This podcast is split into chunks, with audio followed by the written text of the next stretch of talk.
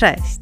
Nazywam się Aleksandra Inszewska-Cardone i zawodowo zajmuję się historią sztuki. W podcaście dzielę się moją wiedzą o sztuce dawnej, zwłaszcza tej powstałej w Niderlandach, czyli dzisiejszej Belgii i Holandii. Otulina o sztuce to również okazja, by zatrzymać się w codziennym biegu i wsłuchać w opowieść dającą wytchnienie. A jeśli podoba Ci się ten podcast, możesz go wesprzeć za pośrednictwem serwisu Patronite, wpisując tam Otulina o sztuce.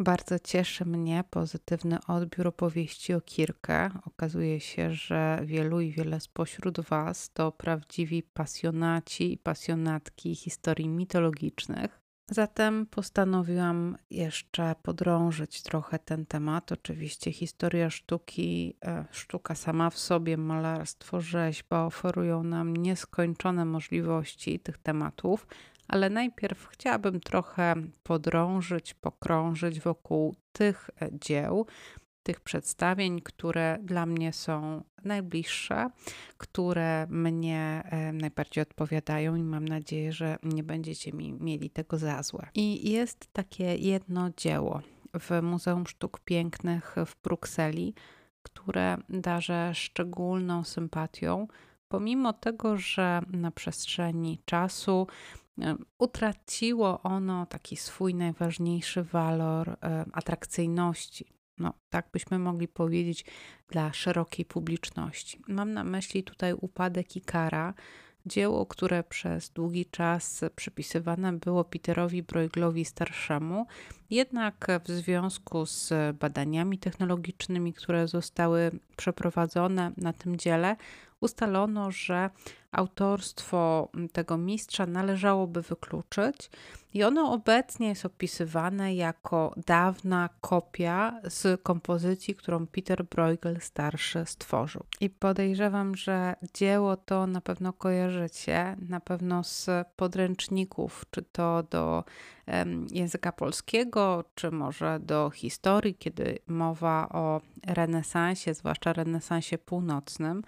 Ja w każdym razie tak to dzieło poznałam i myślę, że przez długi czas e, nie doceniałam tego, jak ciekawa jest to kompozycja, jak odmienna od tego, jak wcześniej i później w zasadzie też tworzono takie przedstawienia mitologiczne, dlatego że na pierwszy rzut oka trudno dopatrzeć się tej tytułowej sceny, tego tytułowego wydarzenia, czyli upadku Ikara. I tutaj może garść informacji o tym, kim był Dedal i Ikar, którzy są bohaterami tej opowieści. E, opowieść została przekazana w mitach, natomiast najszerzej opisał ją Owidiusz w swoich metamorfozach, czyli przemianach, e, i jednocześnie to on jest źródłem informacji, inspiracji dla artystów, e, na przykład renesansowych, ukazujących, sięgających po ten temat.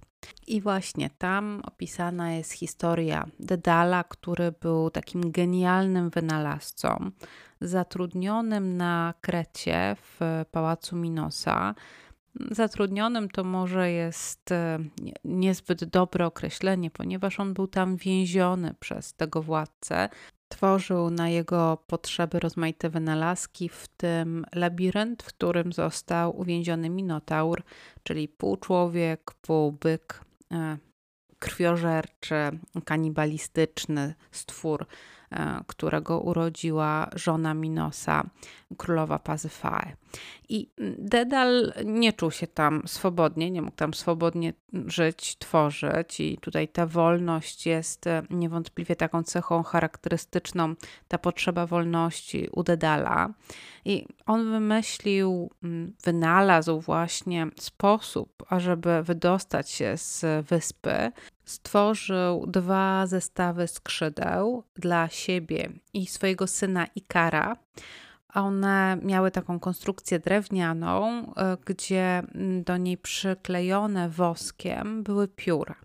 I to oczywiście jest taki sposób, w jaki starożytni Grecy wyobrażali sobie możliwość latania e, jak ptaki w przestworzach, oderwania się od ziemi. I to była taka no, najprostsza konstrukcja, która była do wymyślenia, i tutaj ta mitologia, właśnie ten mit um, tak to opowiada.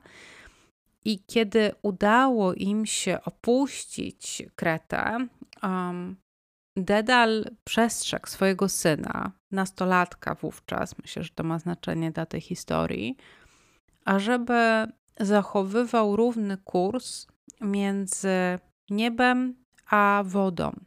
Dlatego, że jeżeli będzie leciał za nisko, to skrzydła nasiąkną i on zyskają ciężar i runie on do wody.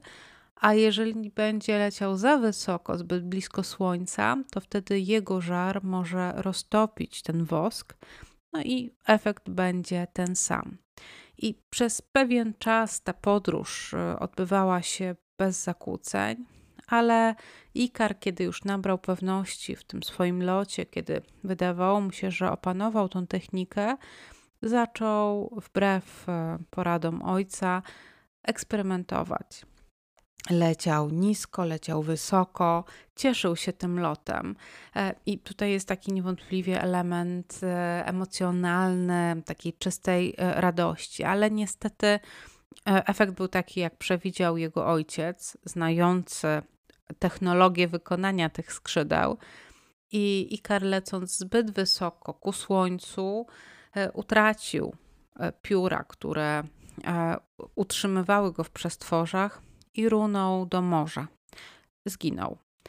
Dedal, według owej opowieści, wyłowił ciało syna, pochował je na pobliskiej wyspie, na pobliskim lądzie i dalej odbył tą podróż już samotnie. I na obrazie, który znajduje się w Brukseli, który zapewne został wykonany na podstawie nieznanego już wzorca Petera Bruegla starszego. Ja tutaj będę się posługiwała takim skrótem myślowym, no, że jest to obraz Bruegla. Wrócę jeszcze do tego zagadnienia autorstwa.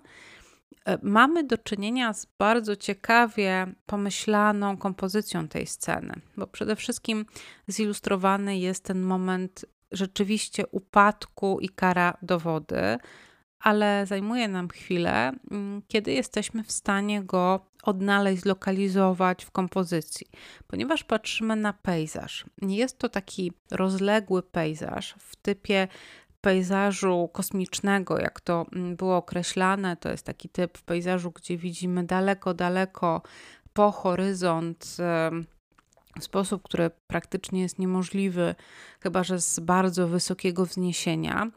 I to jest taki typ pejzażu stworzony w Antwerpii, e, malowany przez Joachima Patinira, właśnie takie Weltlandschaft były przez niego tworzone. I tutaj Bruegel sięga po tą kompozycję, ale zdaje się, że jest ona dla niego okazją właściwie nie do nakreślenia mm, samej tej sceny, uwypuklenia tego upadku i kara w taki sposób monumentalny, gdzie on byłby wydobyty, tylko w zasadzie odwrócenia tej sytuacji. Przede wszystkim patrzymy na pejzaż, patrzymy na osoby, które w tym pejzażu się znajdują.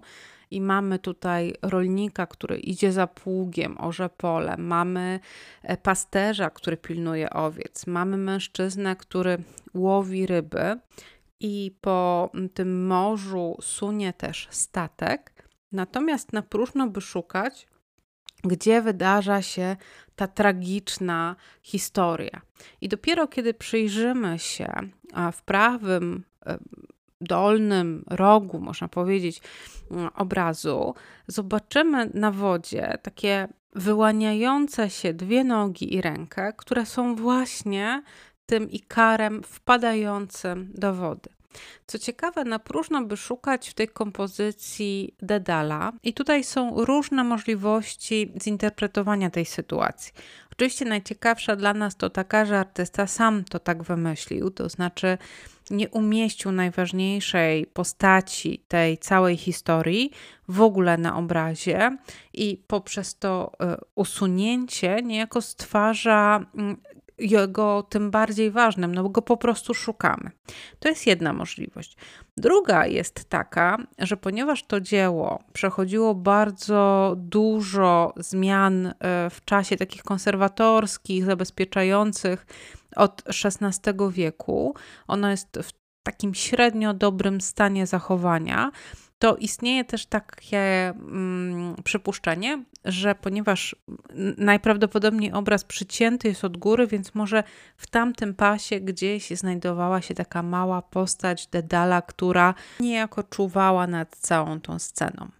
Co więcej, zachowała się jeszcze jedna kopia, która należy do innego prywatnego muzeum, gdzie ta sama kompozycja jest właśnie poszerzona o obecność Dedala lecącego tuż przy górnej krawędzi obrazu. I na niego spogląda pasterz pilnujący mm, owiec, spogląda do góry. I w tej samej pozie ukazana jest ta sama postać na obrazie z Brukseli, natomiast brakuje właśnie tego przedmiotu jej zainteresowania gdzieś w przestworzach. I otwartym pozostaje pytanie, e, czy przypadkiem nie jest też tak, że ta postać Dedala zniknęła niejako e, na przestrzeni czasu, kiedy obraz był poddawany rozmaitym retuszom, naprawom, bo też wiadomo, że on jest naprawiany. Są podklejenia od strony odwrocia, gdzie znajdują się pasy płótna, które mają wzmocnić to podłoże. Jest też e, zdiagnozowane wiele licznych takich właśnie przemalowań. Więc może gdzieś tam, e, nawet w ramach tej kompozycji, którą my widzimy teraz, ta postać Dedala się znajdowała. A może jest odwrotnie. Może obraz, który jest właśnie w tym prywatnym muzeum, też w Brukseli, to jest Muzeum Van Burenów, może na nim e, ta postać Dedala została domalowana albo później albo w ramach tworzenia kopii z Bruegla, ale ten autor kopii mógł na przykład stwierdzić, że chce wzbogacić tą opowieść, e, kompozycję, e, żeby była ona zrozumiała dla każdego oglądającego. Bo tutaj musimy pamiętać o tym, że te obrazy powstawały oczywiście po to, żeby je podziwiać zarówno estetycznie i wizualnie, ale też po to, żeby były one stymulacją intelektualną. Co ciekawe, ta kompozycja jest jedyną w twórczości, przynajmniej znanej twórczości Petera Bruegla starszego, która korzysta z tematyki mitologicznej. Pamiętajmy, jesteśmy w Antwerpii, tam tworzył Bruegel, gdzie jest bardzo duża grupa humanistów, grupa miłośników literatury, literatury starożytnej, kultury starożytnej. To już e, jest naprawdę w takim wysokim rozwoju renesans, już w zasadzie kolejnych pokoleń. I te tematy mitologiczne były niezwykle popularne. Czemu Bruegel nigdy po nie nie sięgał jedynie w tej znanej kompozycji, pozostaje do no, badań dalszych no, specjalistów y, w twórczości Bruegla. Może być też tak, że nie wszystko wiemy, nie wszystko się zachowało, chociaż E, tutaj może miałabym pewne wątpliwości, jednak był to artysta wysoko ceniony, więc mielibyśmy jakieś przesłanki. Wiadomo skądinąd, że dzieło o tym temacie było w XVII wieku w kolekcji w Pradze na dworze cesarskim, więc być może był to pierwowzór e, tego właśnie obrazu, o którym Wam opowiadam z Brukseli. To, co jest też e, nietypowe dla twórczości Bruegla, to podłoże, na którym jest namalowany ten obraz, ponieważ wszystkie znane obrazy są wykonane na desce.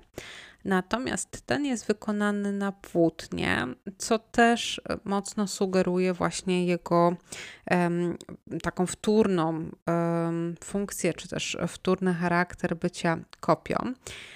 Ale Zostawmy już te kwestie autorstwa, bo wydaje mi się, że one też nie są aż tak istotne dla nas, jeżeli po prostu nam się podoba kompozycja, chcemy ją obejrzeć.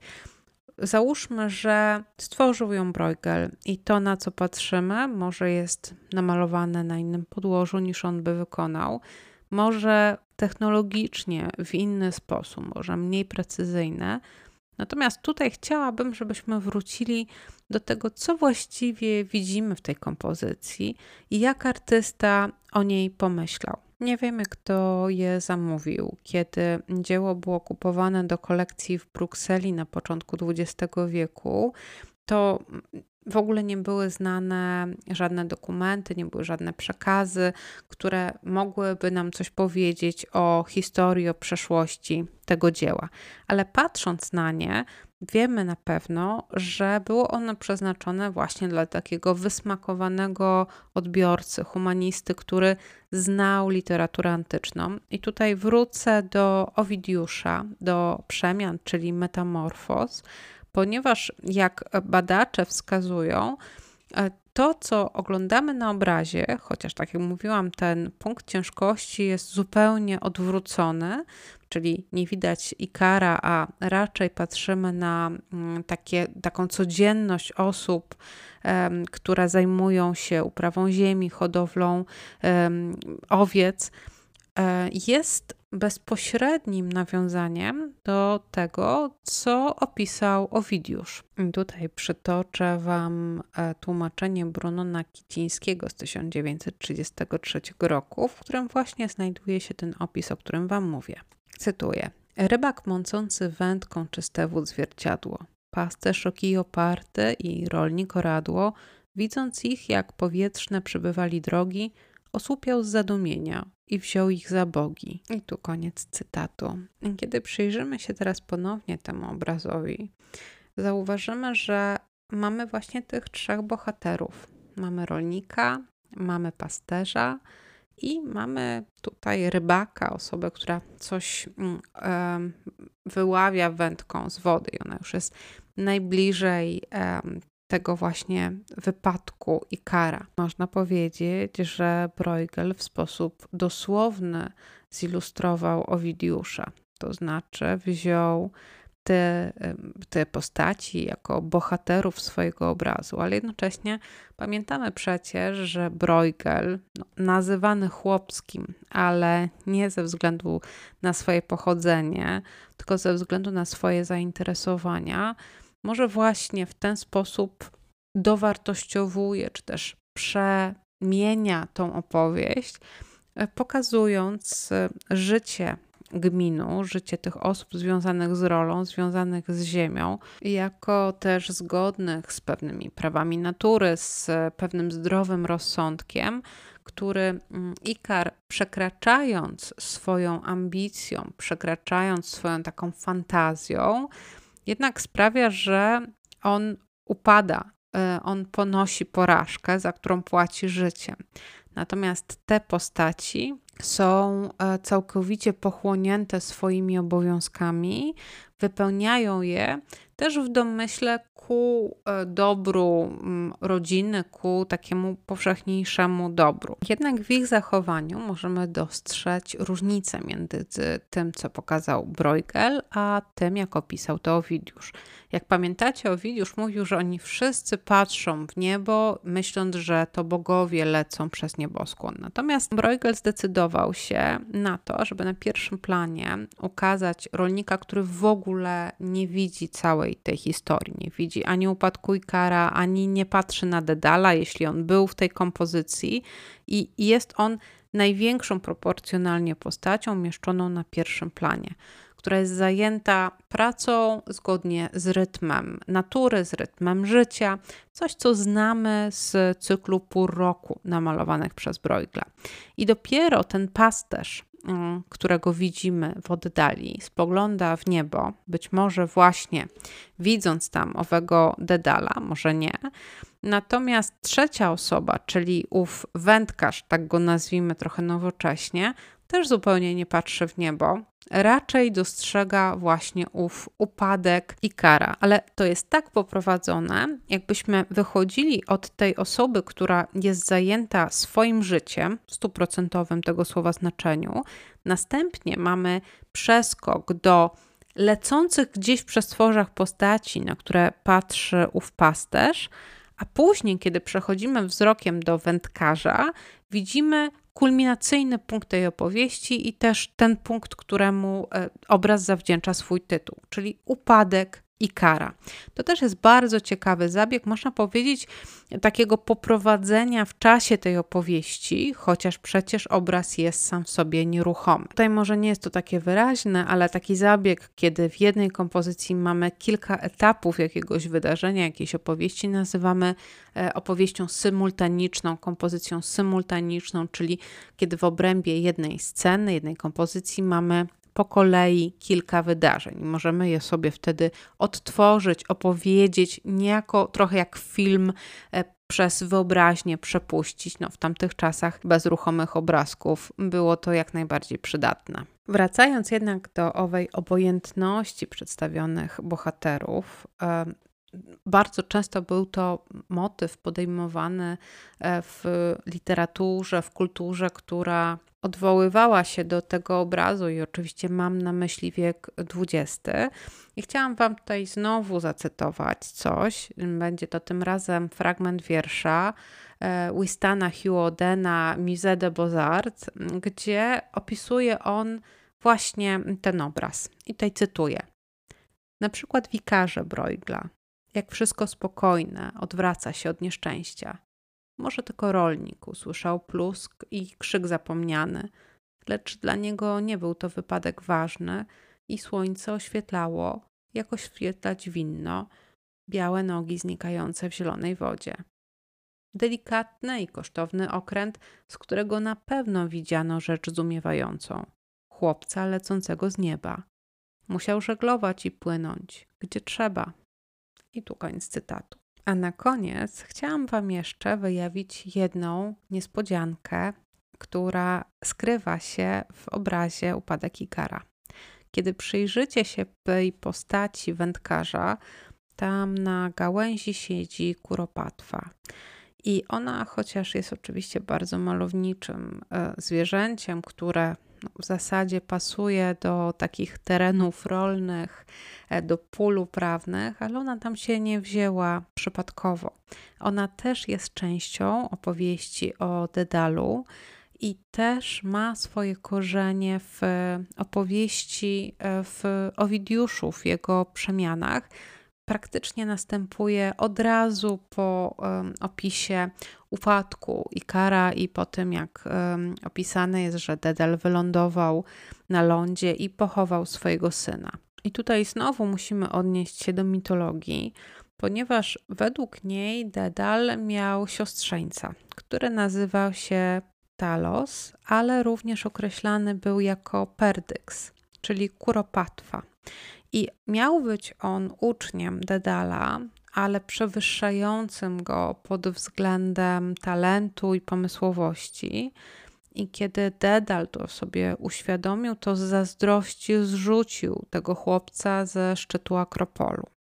Natomiast e, on nie zginął, ponieważ Atena, która tutaj e, jako jedna z bogiń olimpijskich pojawia się właśnie, żeby chronić i bronić tych, którzy byli pod jej opieką, zamieniła tego chłopca w kuropatwę. I jako, że stracił życie upadając, e, tutaj myślę o mm, siostrzeńcu Dedala, to kuropatwa przez to też nie lata, tylko biega po ziemi.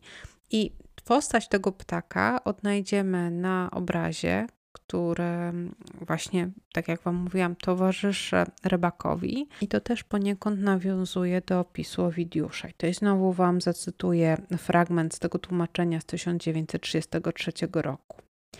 Żal ojca kuropatwa postrzega spod drzewa, poklaskuje skrzydłami i z radości śpiewa. Był to ptak w swoim rodzaju podówczas jedyny, wprzód nieznany, dziś świadek Twej Dedalu winy. I to jest właśnie dalej jest rozwinięcie tego opisu, jak to Dedal z zazdrości owego Talosa e, zabił. I tak oto po odwołaniu się do kilku cytatów e, ze źródeł literackich, Myślę, że będziemy zupełnie inaczej patrzeć na ten upadek Ikara, jako na kompozycję, która była zainspirowana bardzo konkretnymi mm, tekstami antycznymi. Została też przez Bruegla, bo tutaj cały czas mówię o tym, że jego pomysłem jest pierwotna kompozycja, niezależnie od tego, czy samo dzieło, na które patrzymy, było przez niego wykonane, czy nie. Było odwrócenie mm, porządku malowania historii story w zasadzie, tak powinniśmy określić, czyli pamiętacie tych gatunków, gdzie wykorzystywane były mm, tematy mitologiczne, biblijne, historyczne. To były te najważniejsze tematy, najbardziej cenione mm, tematy obrazów, i wtedy te obrazy też były najbardziej cenione. Bruegel tutaj odwraca sposób prowadzenia opowieści. Nie pokazuje nam owych bohaterów antycznych na pierwszym planie, umieszczając gdzieś poboczne postaci w tle, tylko odwraca sposób patrzenia. Mamy owych rodzajowo ukazanych um, pracowników ziemi, nie wiem jak to inaczej określić, a te wzniosłe postacie albo w ogóle nie możemy ich nigdzie znaleźć, czyli Dedala, albo musimy bardzo uważnie szukać Ikara, który w zasadzie nawet nie wiemy jak wygląda, bo tylko widzimy go jako tą masę rąk i nóg już zanurzoną w wodzie. I jest to niezwykle ciekawa, inspirująca kompozycja, pokazująca mm, pewną brawurę, myślę, Bruegla w myśleniu o tworzeniu opowieści, w nawiązywaniu do tematów, które były przecież bardzo wysoko wówczas cenione, które stawały się takimi autonomicznymi tematami olbrzymich przedstawień. On trochę puszcza oko do widza i trochę e, wyprowadza nas z tej takiej pewności siebie, ponieważ musimy szukać, musimy myśleć i nadawać znaczenia temu, co jest ukazane w kompozycji. A tych możliwości interpretacyjnych jest przecież w końcu wiele. Jedną z nich jest wiersz Odena, a inną, chociaż niezbyt związaną, myślę, z samym obrazem, jest z naszego polskiego ogródka piosenka Jacka Kaczmarskiego, która akurat pokazuje drugą stronę, pokazuje hmm, stan duszy Ikara, który odrzuca wszystko, e, co w zasadzie Bruegel pokazał na pierwszym planie. W jego pędzie ku słońcu, pędzie ku górze, potrzebie wolności i wyzwolenia się, jest też wiele spychy i pogardy dla tych wszystkich, którzy wiodą swój żywot i prowadzą swój pług codziennie. E, dla niego, dla Ikara, jest to rutyna, nuda i pogardzana przez niego monotonia. Ale u Bruegla są to postaci, które przeżyją, które przetrwają, które też wykonują ważne i potrzebne czynności. A Ikar lecąc krótko, kończy bardzo szybko. To tyle ode mnie dla Was dzisiaj. Mam nadzieję, że podobała Wam się ta opowieść o niderlandzkim renesansie i historia mitologiczna zatopiona właśnie w tym niderlandzkim sosie. Dajcie mi znać na przykład na Spotify, odpowiadając na pytanie, które tam zamieszczam. Bardzo mi jest miło, kiedy odpowiadacie. I to tyle ode mnie. Życzę Wam spokojnych e, dni wakacyjnych i mam nadzieję, że do usłyszenia niebawem.